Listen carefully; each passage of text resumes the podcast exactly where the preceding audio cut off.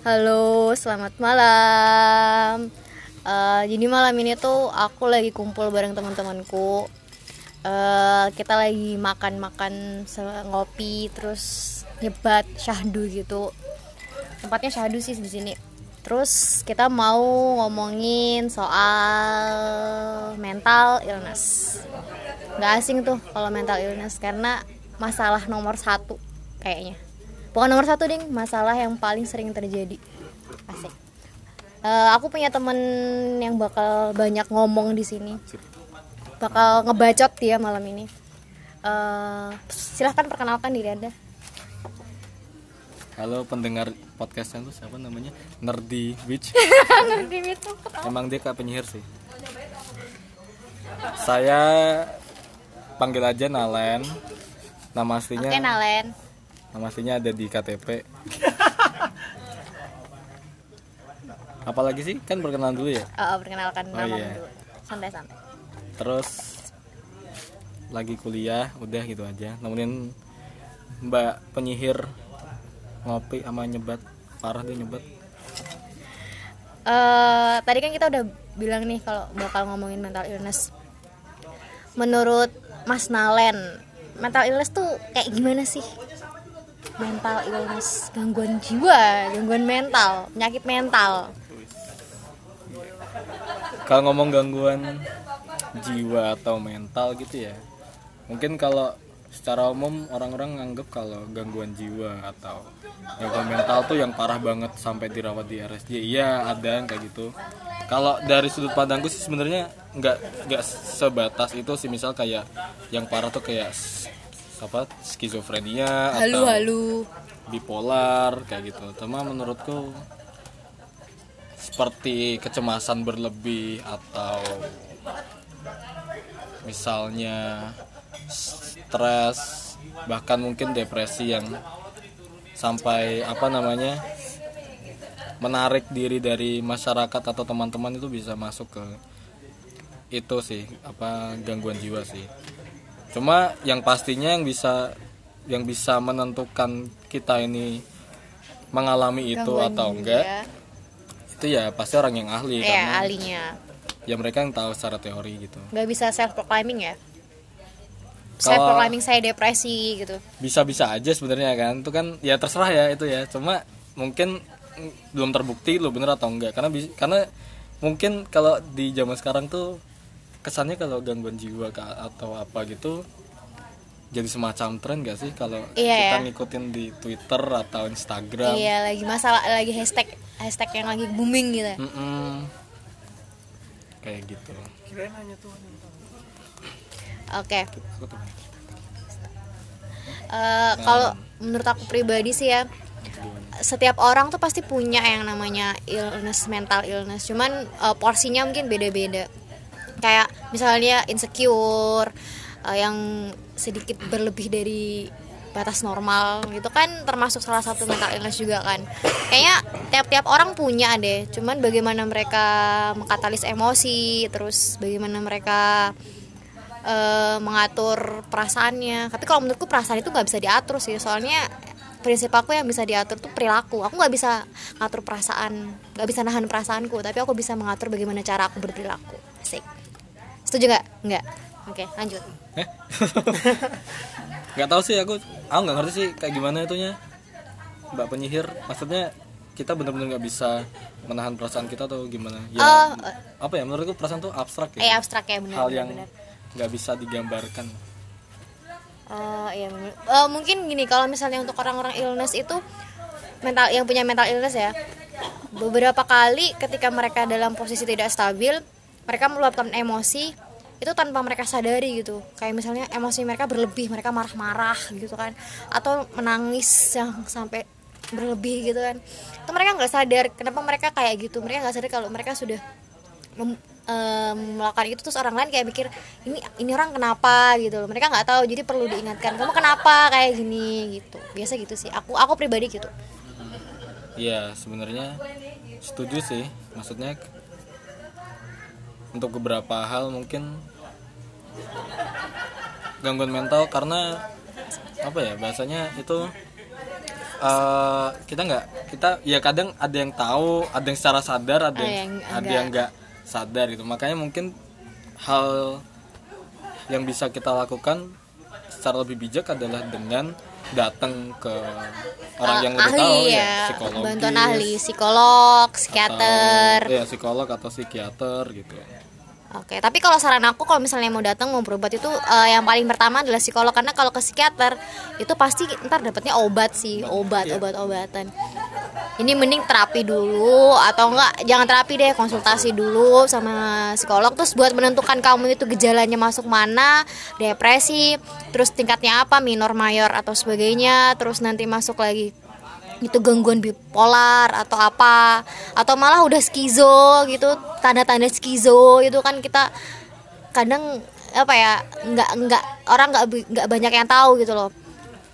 Eh terus gimana nih Mas Nalen kamu sendiri gimana nih kamu kamu punya nggak mental illness ini dalam diri kamu Eh, maaf ya ini kami berempat jadi ada dua perusuh di sini jadi kalau ada suara-suara lain gitu mohon dimaafkan siapa kamu Oh, jadi kita ini sebenarnya bukan perusuh ya lebih tepatnya, tapi adalah salah satu tamu yang mana nantinya mungkin bisa dapat Oh, ya, ya, membantu untuk benar, benar. meramaikan podcast Oh ya benar Mbak benar benar. Penyihir. Iya iya ya, benar. Oke Mas Ganteng sama pacarnya. Ya. Oke lanjut Mas Nalen. Tadi Mas Nalen sendiri gimana? Punya nggak eh, mental illness ini? Atau eh, masih dalam ta- taraf self proclaiming atau sudah pernah merasakan terapi psikologi? Sudah pernah ke psikolog? Atau sekarang sedang gimana gitu perasaannya? Ya kalau dibilang punya nggak tahu sih ya. Maksudnya nggak yakin gitu. Karena nggak berani juga buat memproklamirkan diri saya itu punya masalah kejiwaan atau apa gitu ya. Cuma memang beberapa udah beberapa minggu ini sih datang gitu ke psikolog ke mahasiswa profesi di kampus. Jadi mereka buka jasa konsultasi gitu. Gratis alhamdulillah gratis. Karena dalam setahun terakhir sih ngerasa banget entah kenapa. Jadi dulu kan aku kecelakaan tuh dulu. Oh, iya. kecelakaan patah tulang dan bed rest nah selama bed rest di rumah itu ngerasa lebih emosional gitu. Dulu pernah sampai emosional karena apa ya maksudnya merasa bersalah banget sama orang tua gitu.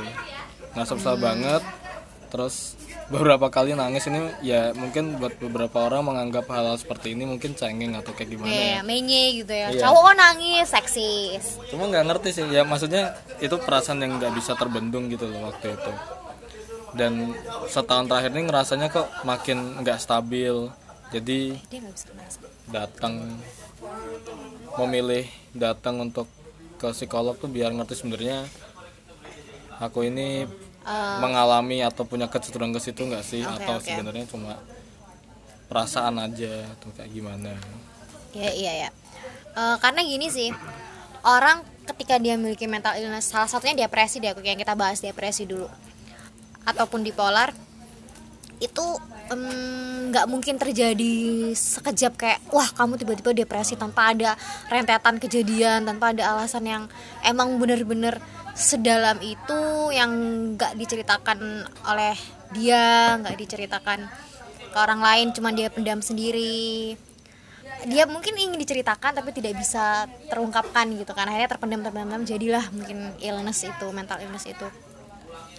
Eh dan pastinya rentetan kejadian ini tuh menyisakan luka bukan bukan luka sembarang luka. Nah, otomatis luka yang cukup dalam. Sehingga ketika ditahan sampai selama itu bergejolak bergejolak. Aku ngomong apa sih? Ya pokoknya gitulah ya. Iya nggak sih? Kamu mm, kayak gitu nggak? Merasakan kayak gitu nggak mas Nalen? Kamu menyimpannya sendiri selama ini tanpa kamu beberkan ke orang lain sehingga terpendam terpendam itu akhirnya kamu memiliki salah satu mental illnessmu apa namanya ya? Ya ini salah satu hal yang mengganggu sebenarnya sih karena tadi gitu ya kadang ya ini mungkin karena stereotip atau stigma yang ada di ya di lingkungan. Mungkin entah itu teman keluarga atau masyarakat secara luas menganggap kalau hal-hal seperti itu tuh manja gitu manja, menye gitu. menye. padahal sebenarnya masalah mental ataupun kejiwaan ini ya termasuk dalam satu dalam salah satu aspek kehidupan. Bahkan di di pekerjaan pun itu juga berpengaruh kayak gitu kan sekarang juga udah ada BPJS pun juga sekarang udah apa namanya Iya. mengakomodir hal itu kan artinya itu kan pemeriksaan kejiwaan ya Iya, artinya kan jiwa. penting. Artinya kan di situ sekarang sudah mulai penting. Cuma cuma memang kalau aku setuju sih hal-hal seperti itu tuh mental illness tuh nggak bisa datang secara tiba-tiba. Iya, secara tiba-tiba. Ada triggernya, ada Iya. penyebab musababnya. Biasanya mungkin ada yang pernah mengalami apa namanya ya kekerasan di rumah Iya. atau trauma Orang masa tua. kecil. Biasanya sih kayak gitu. Kalau secara pribadi ya pastinya secara pribadi juga sama gitu. Nggak ada penyebabnya. Salah satunya sih kalau aku dulu waktu itu setelah kecelakaan itu ngerasa bersalah banget gitu. Karena apa ya merasa ya, useless gitu ya. Merasa tidak berguna merasa tidak ya nggak ya ya kurang lebih seperti itu sih. Kurang lebih seperti itu. I know Cuma- your feel. cuma emang apa ya maksudnya karena mungkin untuk sebagian orang gitu ya ngerasa kok kecelakaan dan hal seperti itu tuh biasa. Cuma biasa. kalau buat aku kenapa waktu itu jadi krusial banget? Karena pertama kondisi keuangan waktu itu nggak stabil. Hmm. nggak stabil. Dan itu di awal tahun gitu. Kejadiannya di awal tahun. Dan aku se- di rumah cuma bertiga cuma sama ibu sama adik. Udah orang tua udah lama cerai. Artinya di sini artinya di sini ya ibu sebagai single parent sebagai tulang punggung gitu kan. Dan ketika kemarin mengalami kecelakaan itu biayanya nggak murah. Dan ya sadar ketika itu oh ini kenapa harus sampai kayak gini? Gitu. Merasa bersalah banget sih. Setelah itu baru banyak muncul perasaan itu pelan pelan gitu Iya. sampai sekarang. Sebenarnya kalau dirunut nah, udah ya banyak memori-memori nggak bagus juga ketika masih kecil gitu ya SMP SMA gitu juga ngerasa ngerasa kayak gitu. Cuma setelah kejadian triggernya gitu ya itu yang Ah. stresor lah istilahnya. Ya kayak gitu. Kayak kayak gitu. Eh, aku juga mau bagi cerita nih. Kalau aku pribadi sih ya kayak yang aku bilang di awal tadi kalau yang namanya suatu mental illness kalau aku nih aku sudah pernah memeriksakan diri baik ke psikolog ataupun psikiater. Eh, waktu itu awal mula sih umur 11 tahun. Awal mula umur 11 tahun eh ibuku itu untungnya aware ya Eh, ibuku tuh aware dia kok merasa ada yang aneh mungkin dari aku. Karena saat itu aku sama sekali nggak punya ekspresi. Dan kalian tahu eh, diagnosa pertama kalinya apa? Eh, aku dibilang psikopat dan sosiopat. Lantas eh lantas setelah itu ya oke aku dapat beberapa treatment begini begini begini Eh, SMP slow down nggak ada nggak ada masalah sampai pada masuk SMA kembali kembali keluar gitu. Kemudian bawalah kem- bawalah lagi ke psikiater. Saat itu ke psikiater bukan psikolog lagi. Kemudian dapat diagnosa lagi kalau misalnya punya depresi. Ya saat itu masih dalam taraf minor ya katanya. Nggak nggak nggak begitu nggak begitu tahu lah apa tingkatan tingkatannya terus setelah itu eh terus jalani treatment juga terus terus terus terus. Hmm, sebenarnya kalau buat aku sendiri stresor yang paling berat yang paling kuat itu tuh dari orang tua. Ya nggak sih? Ya kadang orang tua. Kadang orang tua. Ya aku terutama orang tua sih kayak gitu. Terus eh, mungkin nggak kita kita berdua aku sama Mas Nalen nggak bisa menceritakan secara gamblang ya seperti apa keluarga kita karena nggak perlulah diceritakan gitu. Terus ya sudah terus sampai sampai kuliah ini ada di satu titik eh, kemudian kembali kembali istilahnya kembali nggak stabil kembali kumatan kayak gitu. Dan itu lebih sering ya waktunya jaraknya cuman satu bulan kemudian dua minggu kemudian kayak gitu terus terus sampai akhirnya eh, melakukan percobaan bunuh diri. Waktu kecil itu ternyata udah pernah sih tapi nggak yang nggak hanya sekali udah gitu. Terus pas kuliah ini berkali-kali seperti itu akhirnya ke psiko, eh, psikiater lagi kemudian dapat depre eh dapat diagnosa lagi kalau depresinya naik ke tingkat mayor. Setelah diagnosa yang seperti itu capek sih sama pelabelan sama pelabelan pelabelan dari dokter. Kamu inilah kamu itulah kamu inilah kamu itulah kayak gitu tuh capek. Kemudian dapat treatment treatment terapi terapi terapi eh sampai sekarang lumayan lah ya karena sudah pernah dirawat dan merasakan bagaimana ada di suatu rumah sakit jiwa. Ya nggak seseram yang kalian bayangkan kok. Selamat. Ya selamat kalian. Yang kok saya? Nggak kamu. Aku. Kalau aku selamat kalian yang masih bisa menjalani hari dengan indah dan baik-baik saja. Meskipun kayak lagunya Skinny Fab nggak semua orang tuh baik-baik aja harinya baik terus tuh nggak nggak gitu ya walaupun ketawa walaupun ketawanya kenceng gitu kan. Ayo Mas Nalen ngomong lagi. Kamu gimana Mas Nalen? Eh, efek dari mental illnessmu ini tuh kamu tuh kayak gimana? Kamu lingkungan kayak gitu jadi jadi kamu tertutup kah? Atau dijauhi teman-teman kah? Kayak Nalen ini ngilang mulu gitu. Nalen ini ke mana sih gitu? Karena kan jujur ya kalau kita punya mental illness tuh ada suatu waktu kita benar-benar pengen menarik diri sih. Pengen menyendiri sih lebih tepatnya. Lebih senang untuk menyendiri kalau aku sampai dua minggu atau bahkan satu bulan tuh pokoknya pengennya sendiri gitu. Itu pernah sih. Ya gimana Mas Nalen? Iya kurang lebih sama sih. Maksudnya ini yang menurut aku mengganggu banget dari masalah gangguan mental ini adalah pertama ngerasa insecure. Perasaan insecure ini perasaan apa sih? Insecure bahasa Indonesia apa sih? Tidak aman. ya? takut Iya, takut. takut, takut lah. berlebih gitu. ketakutan berlebih lah. Takut kalau pertama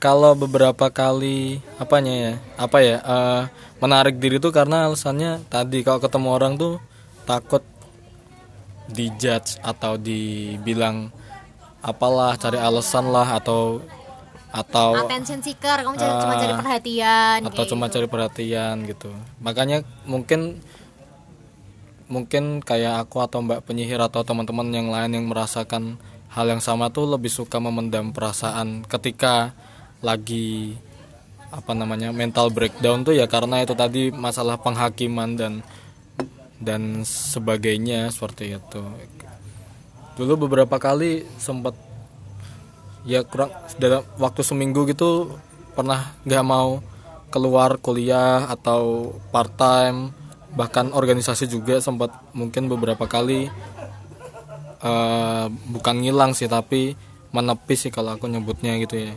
Karena buat minta tolong gitu nggak enak nggak enakan orangnya. Kayak Iya. gitu dan belum tentu orang lain bisa ngerti gitu loh. Iya, bisa mengerti kita gitu kan dengan keadaan yang kayak gitu. Jadi lebih baik dipendam aja nggak sih daripada ntar kita ceritakan ke orang terus jadi masalah lagi. Jadi kayak beban pikiran kita lagi. Apa sih kita sering nggak sih mikir kalau orang ini mikir apa ya tentang kita? Iya, ya itu prasangka Iya, ke orang prasangka. itu. Iya. kita takut kita takut dilabeli nggak sih? Hmm. kamu kayak gini kamu kayak gini. Iya, istilahnya soal pelabelan kan Kayak kayak gitu. Dan apa namanya ya? Aduh, tadi lupa mau ngomong apa. ayo diingat-ingat mas Nalen Karena mikirnya ini masalah pribadi gitu loh. oh ya Ini masalah, ah ini masalah kita dan orang lain tuh nggak punya nggak punya andil gitu loh. oh ya Mikirnya sih kita bisa melalui hal ini gitu, mela- melalui permasalahan ini. Cuma kadang kadang itu ya kadang sebenarnya kita butuh bantuan juga gitu. Dalam hati mungkin ada yang ngerasa teriak-teriak minta tolong gitu berharap ada yang sadar atau kayak gimana. Karena nggak enak buat ngomongnya atau takut di ya takut dicap dan sebagainya. Beberapa teman juga sempat mengalami hal kayak gitu nggak cuma mbak penyihir aja tapi ya misal ada beberapa teman yang trauma terus mengurung diri di kosan. Karena takut kalau ketemu orang Ketemu ntar orang. diomongin Iya, inilah diomongin itulah. ini, nambah lagi Mm-mm. nambah beban lagi ke kita nambah kan beban pikiran. lagi. Gitu. Ya emang iya sih karena apa ya orang-orang tuh selalu memandang memandang sebelah mata orang-orang yang punya gangguan mental seperti ini kayak dianggap dia lah orang gila gitu kan. Ya nggak sih? Padahal mm, kalau aku pribadi sih yang aku tahu ya orang dengan masalah mental sama orang dengan ODGJ orang dengan gangguan jiwa tuh beda sih kalau aku yang aku tahu ya kalau orang dengan gangguan mental kayak misalnya eh bipolar terus eh, depresi terus apa lagi ya? PTSD post traumatic stress disorder itu kan. Terus apa lagi ya? Eh ya yang sebangsanya lah tapi kalau sudah masuk dia skizofrenia itu kan dia ada ada apa sih kalau kita nggak ngerti ya karena kita di sini nggak ada latar belakang psikolog sama sekali. Eh kita berdua tuh kayak ngomong-ngomong asal aja dari pengalaman dan apa yang kita rasakan gitu. Jadi apa adanya ya. Gitu. Terus eh kalau tadi Mas Nalen eh bilang kalau lebih lebih sering pengen menyendiri nggak sih Mas Nalen? Iya. kayak gitu. Sama sih eh, aku juga pengen kayak gitu. Bahkan ada satu titik pengen bunuh diri tadi gitu. Kalau Mas pernah nggak ada perasaan pengen udah aku mati aja gitu. Hidup tuh hidup tuh nyusahin gitu. Ngapain sih aku hidup gitu? Ada nggak pikiran-pikiran kayak gitu tuh? Pasti ada, dong. Ada. Ada yang ngerasa kalau maksudnya ya misal pada, pada satu titik ngerasa kit- kalau aku pribadi kayak nggak punya pencapaian apa-apa gitu. Melihat orang lain dah lakukan ini lakukan itu sedangkan anjir lah aku baru di posisi ini gitu yang ngerasa wah hidup hidup tuh useless banget. Cuma kalau dipikir-pikir lagi tuh untuk melakukan sampai bunuh diri? bunuh diri tuh enggak sih pertama repot. Ya kalau udah ngelukain badan gitu ntar ada lukanya bersihin darahnya perihnya gitu ya. Iya iya Mas Nalen Iya repot, kotor juga. Ntar ny- nyusahin ntar buk- kita mati bukannya tenang malah Nyusahin. nyusahin orang lain kan nggak bagus. Eh ya ini bukan bercanda sih sebenarnya kalau soal itu nanti aku bahas lagi ya soal seni bunuh diri asik. Bunuh diri tuh ada seninya. Enggak enggak jangan jangan. Tapi sebenarnya kayak perilaku bunuh diri tuh, nek menurutku jangan dijadiin bercandaan sih, Oh, iya, iya, Mbak penyihir soalnya. Oh ya maaf maaf Mas Nalen. Soalnya apa ya? Maksudnya ini ini penting loh. Bahkan di luar negeri gitu mereka menyediakan layanan untuk itu supaya mencegah orang bunuh diri karena eh mungkin kalau kita bicara moral atau soal ya apa yang kita anut gitu itu keyakinan bukan hal yang bagus, bukan hal yang baik gitu loh karena menyalahi kodrat gitu kan. It- hidup dan mati itu urusannya sama Tuhan. sama Tuhan gitu. Aku mikirnya kayak gitu. Cuma kalau untuk mengakhiri hidup ya alhamdulillah ya maksudnya kepikiran bahwa hidup ini nggak berguna pernah tapi untuk mengakhiri hidup sih alhamdulillah nggak pernah. Iya. Cuma kalau pengen menyakiti diri pernah. Paling mukulin bantal ke kepala. Jedukin kepala ke tembok pernah nggak? Jedukin kepala ke tembok pernah tapi temboknya rada empuk gitu nyari empuk. Saya sakit. Oke, jadi dia menyakiti diri yang nggak sakit gitu ya. Biaskan dia nggak sakit, oke.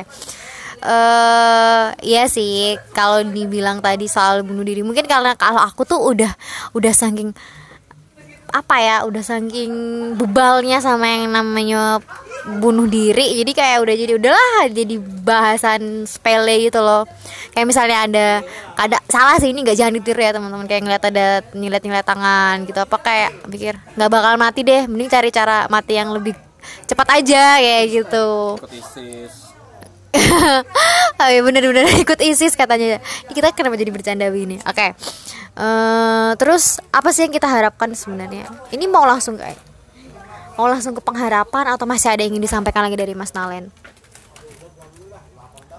Nah, menurutku gini sih, ketika oke kita kita punya nih kita atau mungkin beberapa orang udah konsultasi dan merasa kalau dan udah di diberi penilaian kalau oh iya kamu mengalami satu gangguan kejiwaan, mengalami satu permasalahan mental. Cuma yang salah adalah yang salah dari hal itu adalah ketika itu jadikan sebagai suatu alasan gitu loh.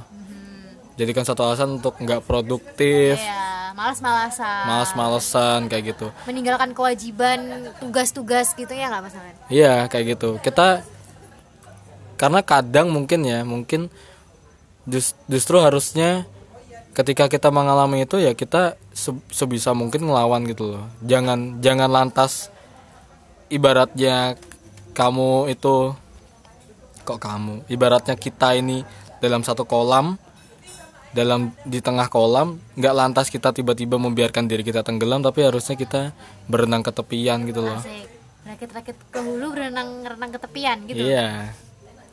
Karena apa ya? Maksudnya jangan jangan lantas ya jangan lantas menyerah lah gitu. Karena mungkin bahkan ada beberapa misalnya kayak seniman seperti Vincent van Gogh misalnya.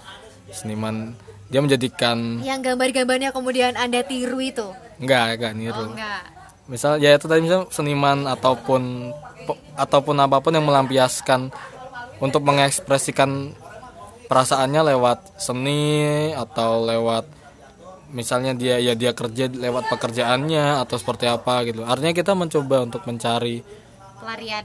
Iya kayak gitu. Menyepi nep- menepi gitu butuh.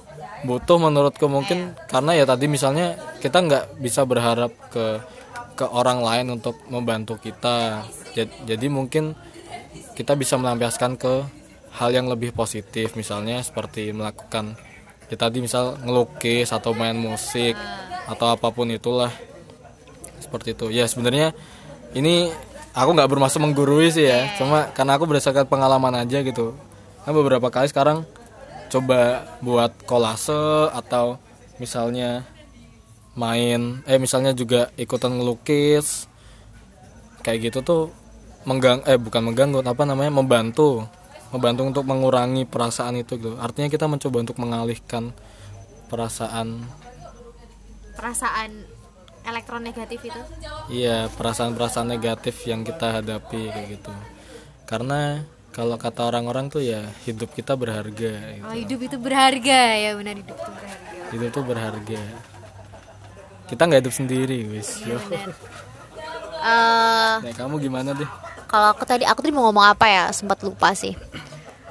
Eh, oke gini eh, kalau aku gini aja sih. Kamu nggak apa-apa kok. Bener katanya yang dibilang Mas Nalen tadi kalau misalnya ya kita tuh nggak boleh lari dari tugas-tugas dan kewajiban kita. Jangan mentang-mentang kita punya mental illness lantas kita eh, menjadikan itu alasan untuk menghindari gitu. Kita nggak menyelesaikan tugas kita. Ya intinya, intinya gitulah. Kita jadi kayak ansos banget gitu kan. Padahal kita nggak nggak bisa yang namanya hidup sendiri tapi emang bener emang bener juga kalau ada saat kamu nggak stabil is oke karena yang namanya mental illness itu pasti ada saat dia nggak stabil. Cuman eh tergantung dari kamunya kamu mau nggak jadikan ke nggak stabilanmu ini tuh malah jadi bumerang buat kamu sendiri atau atau kamu pelan-pelan buat merangkak. Karena eh menurutku mental illness tuh bisa sembuh nggak ya? Kalau menurutku sih aku nggak tahu deh. Kalau sembuh mungkin kayaknya enggak kalau sembuh kata Mas Nalen enggak gitu ya. Kenapa Mas Nalen? Kayaknya aku nggak tahu. Nggak tahu sih. Ada yang bilang nggak bisa sembuh ada yang bilang ya itu mungkin tergantung kadarnya mungkin ya. Nek, tapi nek aku sih mikirnya mungkin itu kayak apa sih? Kayak kayak eksim gitu ya. Tiba-tiba muncul tapi tiba-tiba enggak gitu. Maksudnya artinya kita bisa menekan perasaan itu gitu loh mengontrol perasaan itu. Seharusnya kita bisa mengontrol perasaan itu sih. Ya mengontrol perasaan oke. Dan aku boleh sedikit eh boleh silakan. Oh, Mas siapa namanya? Eh, nama Doremi. saya Michael. Kalau menurut saya sih sebenarnya bener sih nggak bisa hilang mental illness tuh. Kenapa? Karena mungkin memang udah kebiasaan juga tapi semakin berjalannya waktu lebih bisa terkontrol Perasaan, ya, ya. lebih bisa terkontrol nggak kayak awal-awal yang baru muncul munculnya mentalnya lagi drop dropnya makanya bisa timbul. Makin ke sini mungkin makin dewasa juga makin bisa terarah juga. Dari situ tuh untuk hilang sih kayaknya enggak sih. Tapi bisa lebih terkontrol. Suatu saat pun untuk akan kembali bludak lagi, ya, tuh pasti, pasti ada. iya jadi seperti itu mbak penyihir. Kalau kedua mas ini tadi samping saya mas Michael dan mas Nalen bilang kalau kita harus mengontrol perasaan. Iya ini sih beda. Kalau aku tadi kan aku nggak bisa mengontrol perasaanku. Eh terus bukan perasaan terus apa? Kelakuan perilaku pikiran. Sebenarnya bukan perasaan sih. Ada salah satu beberapa bulan terakhir ini lagi baca buku soal filosofi teras soal bahas soal stoicisme gitu. Jadi sebenarnya bukan perasaan sorry. Oke tapi mindset pola pikir kita gitu. Mis- misal ini sih anxiety atau kecemasan tuh muncul karena ya tadi munculnya prasangka prasangka itu.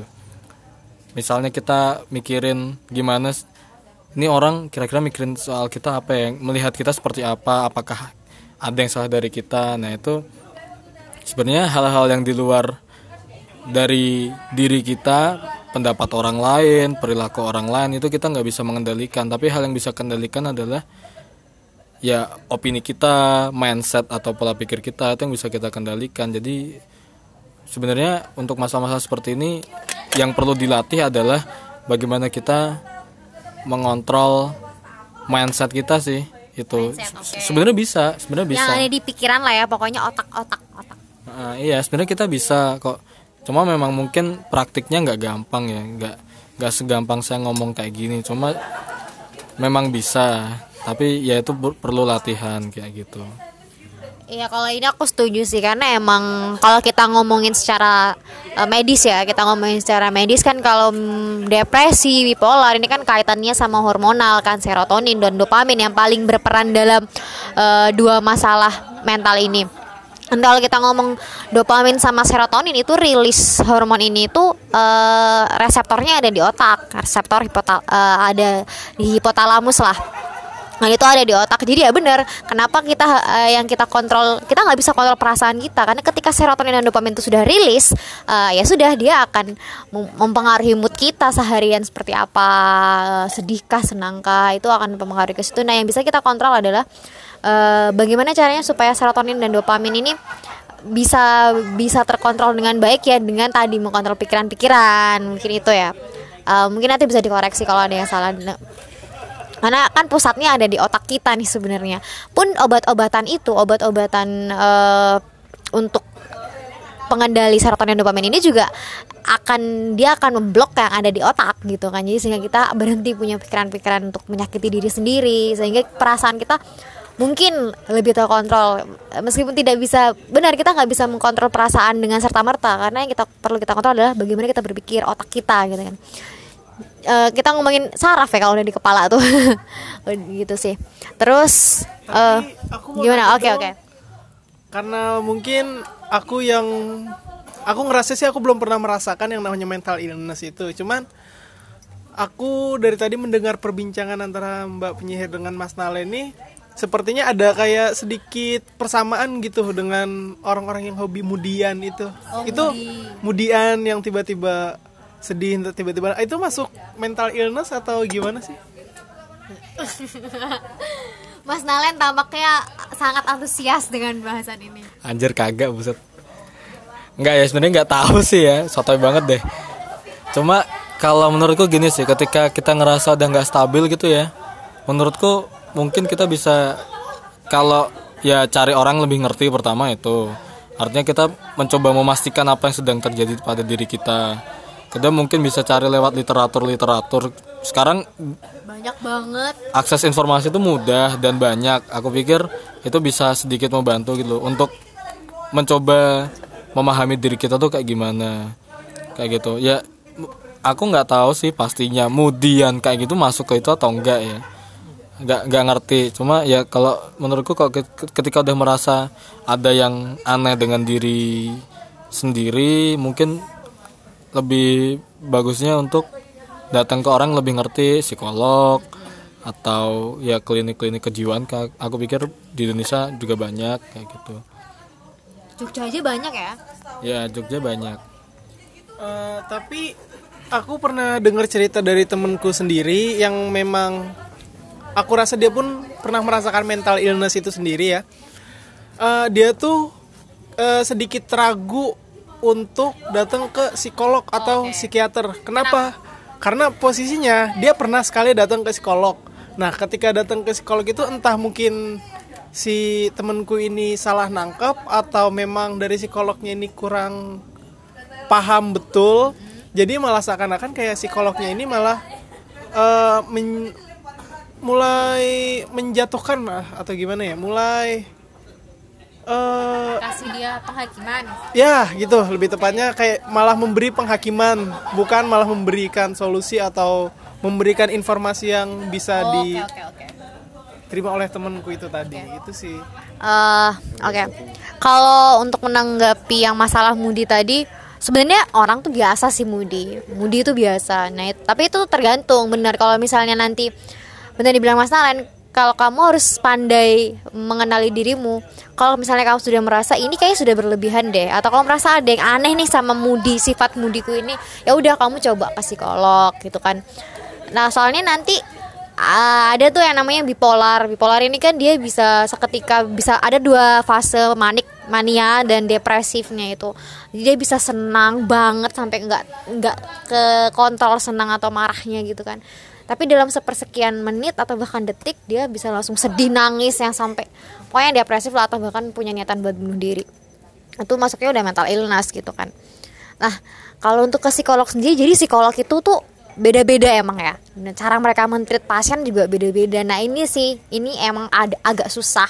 Karena nggak semua orang dengan mental illness atau ya pokoknya nggak semua orang lah itu tuh um, bisa nyaman untuk menceritakan masalahnya gitu kan. Apalagi untuk masalah-masalah mental kayak gini kan. Ini kan sesuatu yang pribadi. Aku tuh pernah malah dari ganti-ganti psikolog deh. Dan masing-masing psikolog itu punya diagnosanya sendiri. Jadi dia menegakkan diagnosanya tuh beda-beda gitu kan. Akhirnya aku merasa uh, uh, jadi nggak percaya. Makanya aku benci sama udah bosan muak sama yang namanya diagnosa. Bencilah lagi-lagi soal label lah yang ini bilang ini yang itu bilang itu. Ya intinya aku sakit dah. Aku bilang kayak gitu aja sama diriku. Terserah kamu mau bipolar kamu mau depresi minor mayor dan sebagainya. Akut klin akut kronis dan pokoknya bodo amat. Yang penting kamu sakit gitu kan. Dan kamu perlu treatment. Nah cuman sebenarnya kalau obat ya kan aku pernah konsumsi obat juga kalau ngomongin obat itu hampir semua sama sih. Kalau obat-obat sistem saraf obat-obat untuk depresi obat-obat untuk mental illness tuh sama hampir sama. Cuman mungkin nanti uh, didosis sama ininya aja sih apa penggunaannya aja. Misalnya ini di, kalau misalnya orang depresi nanti dia konsumsi uh, haloperidolnya pas kapan kayak kayak gitu kalau aku aku pernah uh, fluoxetine sama haloperidol jadi fluoxetine tuh dia buat antidepresan gitu sih. Gitu. Kalau halo haloperidolnya itu kayaknya untuk anxiety-nya deh kayaknya. Atau yang secure kayak nggak tahu aku, aku lupa gitu. Padahal aku harusnya tahu ya. Kayak aku lupa pokoknya dua obat. Tapi aku udah lama banget nggak ngonsumsi obat.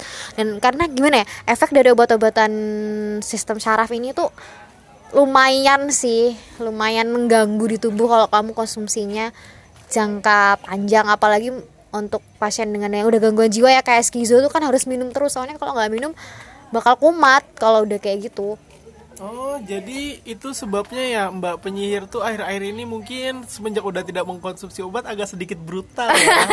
Mbak-mbak penyihir ini aduh, ternyata sudah tidak mengkonsumsi obat-obatan. Enggak, enggak, enggak gitu. Uh, jujur ya karena aku tadi kan pernah tadi aku udah ceritakan kalau aku pernah dirawat di salah satu rumah sakit kejiwaan di Jogja dan di sana masuknya tapi jangan dibayangin ya rumah sakit jiwa tuh kayak horor terus diikat lah ditaruh di ruang isolasi gitu terus kayak ditutup semua kayak penjara gitu enggak. Jadi tuh santai bener-bener. Aku aja bisa bawa HP aku bisa bawa laptop gitu aku bisa nulis di sana karena dokterku tahu aku suka nulis. Aku bisa nulis gitu.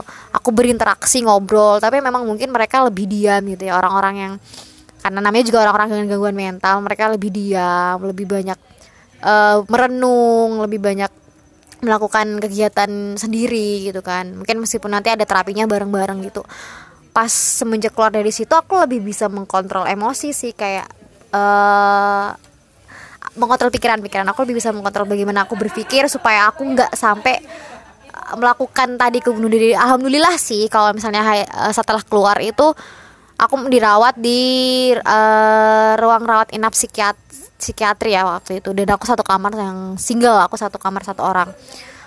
Setelah keluar dari situ lebih ini sih lebih bisa lebih bisa membawa diri dengan baik. Aku udah nggak lagi nih kepikiran bunuh diri. Meskipun aku sering nggak stabil masih masih sering nggak stabil. Cuman ya udah bawa enjoy aja. Kalau yang namanya nggak stabil ya pasti nggak bakal ada nggak stabil. Nangis nangis aja gitu.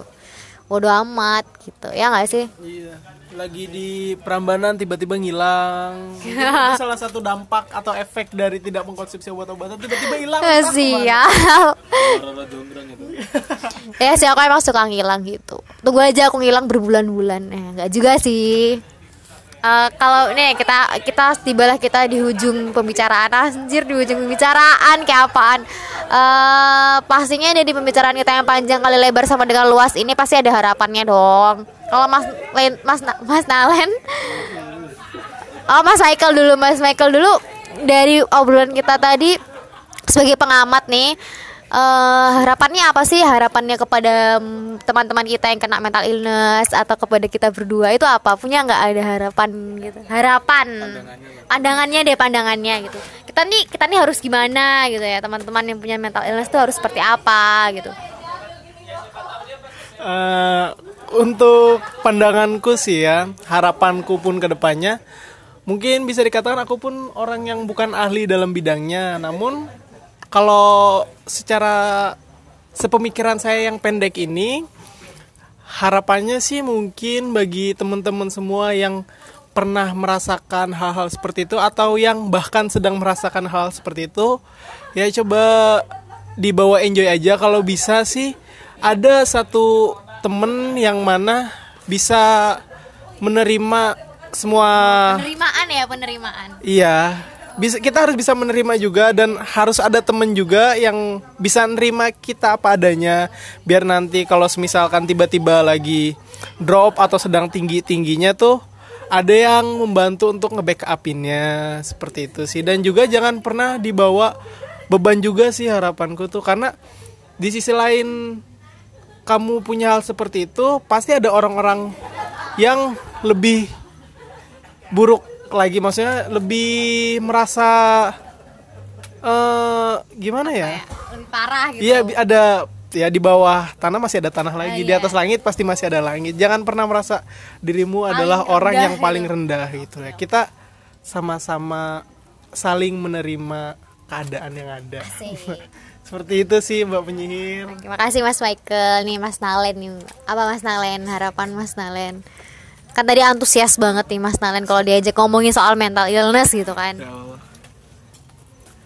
Ya lo enggak ya, enggak enggak seantusias itu sebenarnya. Cuma ini memang bahasan diskusi yang menarik gitu loh terkait ini karena apa ya? Ya tadi sekarang itu mulai terekspos loh hal seperti ini gitu kan. Harapannya nek kalau aku mungkin lebih ke ini sih. Pertama ketika ya mengenali diri itu penting sih. Artinya ketika tadi merasa ada ada yang janggal dengan diri kita sendiri dalam artian mungkin secara mental atau secara perilaku kok merasa hal yang berbeda atau tidak stabil coba untuk datang ke ahli meskipun mungkin memang benar tadi yang jadi omongin sama Michael sama Mbak penyihir tuh tiap psikolog itu punya karakteristik yang berbeda-beda ya itu mungkin juga manusia Iya, dan itu pun juga pasti mereka juga punya background dan latar belakang yang berbeda kan. Tapi seenggaknya mungkin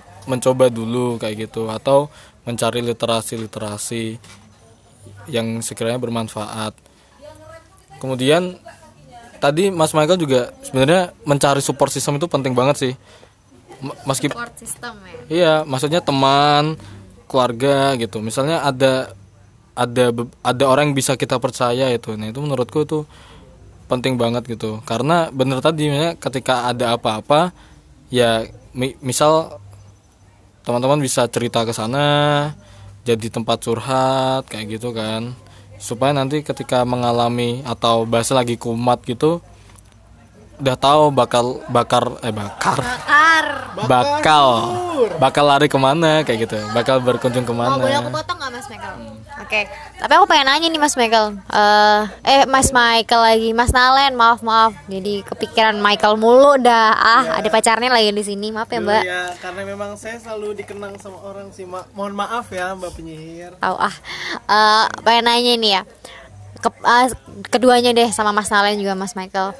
Eh aku pribadi itu kan aku butuh sebenarnya orang yang yang yang ya support system lah yang bisa jadi kayak mood booster aku gitu. Karena memang bener sih kalau ada di posisi emang breakdown banget emang rasanya kayak lagi nggak stabil banget itu bener-bener yang se apalagi aku ya aku harus lepas dari obat-obatanku. Itu rasanya kayak yang aduh aku aku pengen nangis gitu. Aku cuman pengen ya udah aku pengen tempat buat aku nangis. Aku dengerin aku nangis aja. Nggak perlu nggak perlu kalian kasih aku nasihat apa pun karena nggak bakal ya bakal mental juga sih dari dari akunya. Aku nggak peduli sih. Yang penting aku tuh cuma butuh teman. Kamu temenin aku aja gitu. Aku pengen nangis udah gitu. Nanti kalau aku udah selesai nangis juga aku cerita kenapa sih. Dan kalau misalnya aku pernah nih eh, ditanya sama salah satu salah satu teman gitu kan. Ya ya gitu pokoknya teman. Kalau misalnya aku nangis itu ya aku harus punya alasan gitu. Sedih sih. Aku bingung gitu bagaimana aku mau menjelaskan alasanku karena eh, semua memori luka itu tuh ketika aku lagi nggak stabil ya itu tuh seperti kayak roll film gitu loh yang berputar satu persatu kayak gitu. Jadi aku bingung ya aku menangis. Eh, yang mana yang bikin aku nangis aku nggak ngerti. Intinya aku ingin menangis karena mengingat sebegitunya gitu. Kenapa aku harus mengalami ini gitu kan kalau dicerita kenapa apa yang bikin aku nangis ya aku nggak ngerti. Intinya aku ingin nangis gitu. Aku ingin meluapkan emosiku. Karena kan orang bisa mental illness itu karena dia nggak tahu gimana cara dia meluapkan emosi gitu kan. Bagaimana dia dia bingung dia punya perasaan seperti itu tapi diluapkannya tuh bagaimana gitu. Akhirnya ya udah dia bisa jadi depresi atau dia bisa jadi bipolar yang marah-marah nggak jelas agresif ya gitu lah sih. Nah, menurut kalian itu gimana untuk untuk orang-orang yang kayak aku ini? Uh, ya ya susah sih. Kadang orang menganggap kalau berteman dengan orang yang kayak kami ini kami orang yang kayak aku nih ya itu tuh susah kan. Aku nih sus punya teman kayak kamu tuh susah gitu. Um, karena mungkin nggak banyak orang punya pengalaman uh, pengalaman sama yang kayak gini gitu. Menurut kalian gimana? Siapa nih Mas Nalen dulu deh? Yang tadi sempat dipotong Oh iya, maaf ya Mas Nalen. bingung juga sebenarnya ya. Maksudnya kasus seperti itu aku pikir banyak sih cari partner atau teman gitu ya yang ngerti gitu ya. Cuma kalau aku mikirnya sih ya itu tadi ya mungkin lebih ke ya dirasa memang orang ada orang yang bisa kita percaya bisa jadi tempat kita menyampaikan kalau kesah ya kenapa kenapa enggak gitu loh. Cuma mungkin ya pertama-tama menyampaikan dulu sebenarnya misalnya si mbak penyihir ini punya permasalahan seperti apa kayak gitu. Walaupun mungkin berat ya nggak nggak mudah untuk bercerita kayak gitu. Ya makanya tadi misalnya mungkin kalau udah ketemu psikolog dan udah nyaman ya kenapa nggak ke sana ketika ada masalah? Atau kalau punya teman yang bisa dipercaya lari ke temannya. Atau misal teman-teman punya keluarga yang suportif ya alhamdulillah bisa cerita ke keluarganya kayak gitu. Oh iya, iya Nah, gitu sih. Aku mau nanya lagi nanti langsung dijawab deh keduanya. Ntar ya Mas Michael. Iya.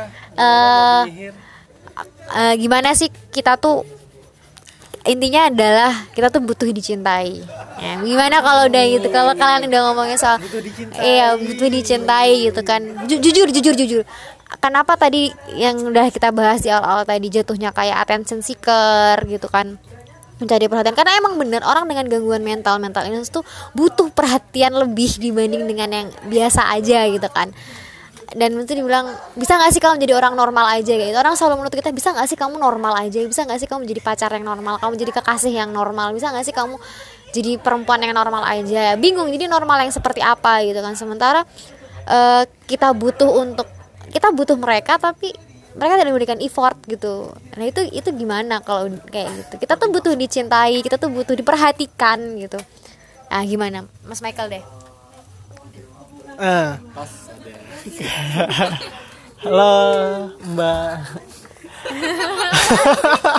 Oke, uh, kalau menurutku sih mungkin yang kalau pertanyaan yang pertama tadi tuh terkait kayak tiba-tiba butuh support system yang benar-benar bisa nerima ya mungkin sangkut paut ada sangkut pautannya juga sih yes. Iya. juga sih pertanyaan pertama sama kedua. yang kedua tadi kalau yang pertama itu lebih kayak kita benar-benar lagi pengen meluapkan yeah. segalanya tapi entah alasannya atau apa memang seperti yang dikatakan Mas Nalen juga tadi bahwa banyak sih kasus seperti itu dan mayoritas lingkunganku pun banyak yang seperti itu.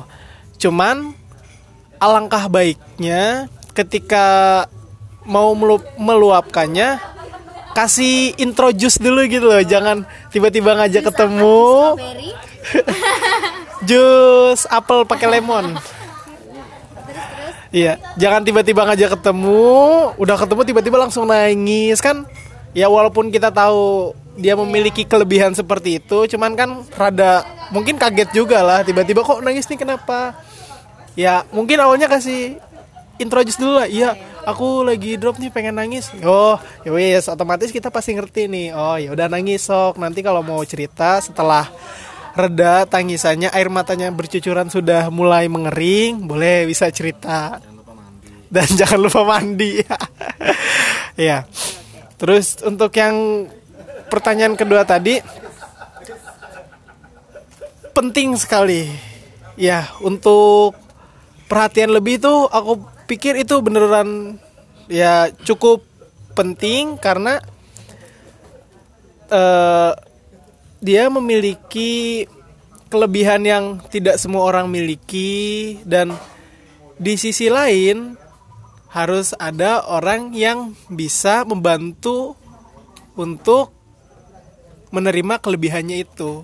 Ya kayak butuh dicintai oleh pacar dan pacarnya pun itu harus bisa mengerti.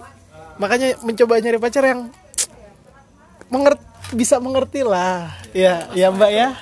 Kayak Mas Michael gitu ya. Mau deh pacarnya. Waduh. ya aku ya mungkin itu sih intinya sih kita harus ada support system yang sekiranya bisa benar-benar bisa menerima kita apa adanya sih. Mau itu pacar kayak temen atau apa. Kalau misalkan butuh dua-duanya pacar sama temen justru lebih bagus ketika pacar sedang tidak mensupport ada teman. Atau sebalikannya ketika teman nggak mensupport bisa ke pacar. Atau kalau lagi dua-duanya nggak support ya. Ya udah. oke oke. Ke psikolog. Oke, seperti itu mbak penyihir. Ah, iya sih, ah, ya bener-bener apa yang dibilang Mas Michael tadi bener karena hmm, ya kadang kan orang bingung juga ya ini kenapa sih kok tiba-tiba nangis? Ya bener juga sih. Eh terus tadi itu emang sih emang kalau yang paling berperan nih ya eh, bocoran bocoran. Di dalam eh eh, apa namanya? Banyak kan eh, gue deh. Yang banyak paling banyak berperan dalam kasus seperti ini tuh emang temen dan mungkin kekasih yang sedang dalam relasi romantis nih kan yang sedang dalam relasi romantis otomatis sangat membutuhkan kasihnya atau teman. Karena jujur kalau menurut aku orang tua itu kayak aku bilang tadi orang tua atau keluarga itu emang stresor terbesar ya kalau aku pribadi. Jadi keti- aku nggak bisa mendapatkan nggak bisa mendapatkan perhatian atau nggak bisa mendapatkan eh, apa yang aku inginkan itu dari keluarga. Jadi kalau dari teman dan dari kekasihku mungkin aku nggak bisa dapat aku harus dapat dari mana. Itu yang kadang bikin aku ngerasa kayak hidup itu nggak penting dia. Jadi mending aku mati aja. Itu loh yang sering aku bikin perasa eh, yang bikin aku punya perasaan pengen mati itu tuh hal-hal seperti itu sih. Nah yang terakhir udah dijawab masalah yang terkait orang yang dicintai tadi kasih sayang cinta. Ya di sini mah pada bucin ya ya sebenarnya tadi udah dirangkum sih sama teman-teman ya sama Michael sama mbak penyihir juga. Maksudnya terkait support system tadi bisa didapatkan ya tadi dari kekasih teman atau atau keluarga gitu. Karena mungkin beberapa orang ada yang nggak bisa apa ya mengakomodir kesendirian, kesepian dan butuh teman. Dan mungkin ada beberapa orang yang bisa gitu.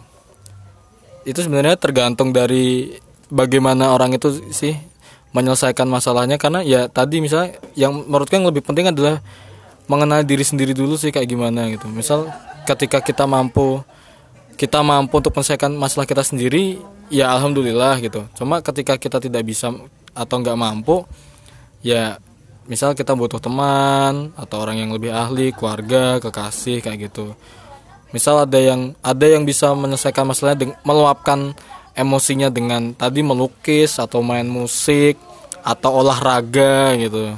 Cuma kadang ada hal yang luput misalnya salah satunya ya ya dari hal yang kita yakini gitu, dari agama kita misalnya mungkin buat orang-orang yang beragama Islam ya coba untuk apa namanya menggiatkan lagi mendekatkan diri kepada Tuhan kepada Allah kayak gitu. Ya kan kadang kita suka lupa gitu loh. Padahal ya itu balik lagi ya ke keyakinan masing-masing kayak gitu. Cuma ada yang ada yang mungkin karena merasa bahwa ya hidup ini punya Tuhan apa yang yang menciptakan adalah Tuhan gitu. Ada yang meyakini hal seperti itu ya sudah gitu. Larinya ke sana. Mungkin untuk beberapa orang yang enggak ya ya itu baik lagi kayak gimana. Nggak nggak ngerti pastinya sih sebenarnya kayak gitu. Cuma nek kalau aku sih mengenal diri sendiri tuh penting sih. Penting yaitu makanya ada istilah mencari jati diri. Wah sih ya sih bener ya. Kalau ngomong soal Tuhan dan itu religius ya masuknya emang ada sih terapinya. Terapi yang pakai religius gitu-gitu tuh emang ada sih. Mencari jati diri. Heeh. jangan Ba- cari jati pohon terus. Nggak tahu lah ya oke. Kalau kayak gitu eh, kita udah sampai mau nyampe 60 menit nih bahasan kita nih. Satu jam ya kita ngobrol. Ya udah kalau gitu kita tutup ya. Eh, dadah teman-teman. Didengerin didengerin juga didengerin atau nggak didengerin terserah kalian deh. Ini emang omongan obrolan obrolan eh, dari kita yang hanya berdasarkan pengalaman aja. Oke, dan komentar di bawah ini. Ah, jangan lupa linknya di bawah sini. Terserah lah terserah. Dadah selamat malam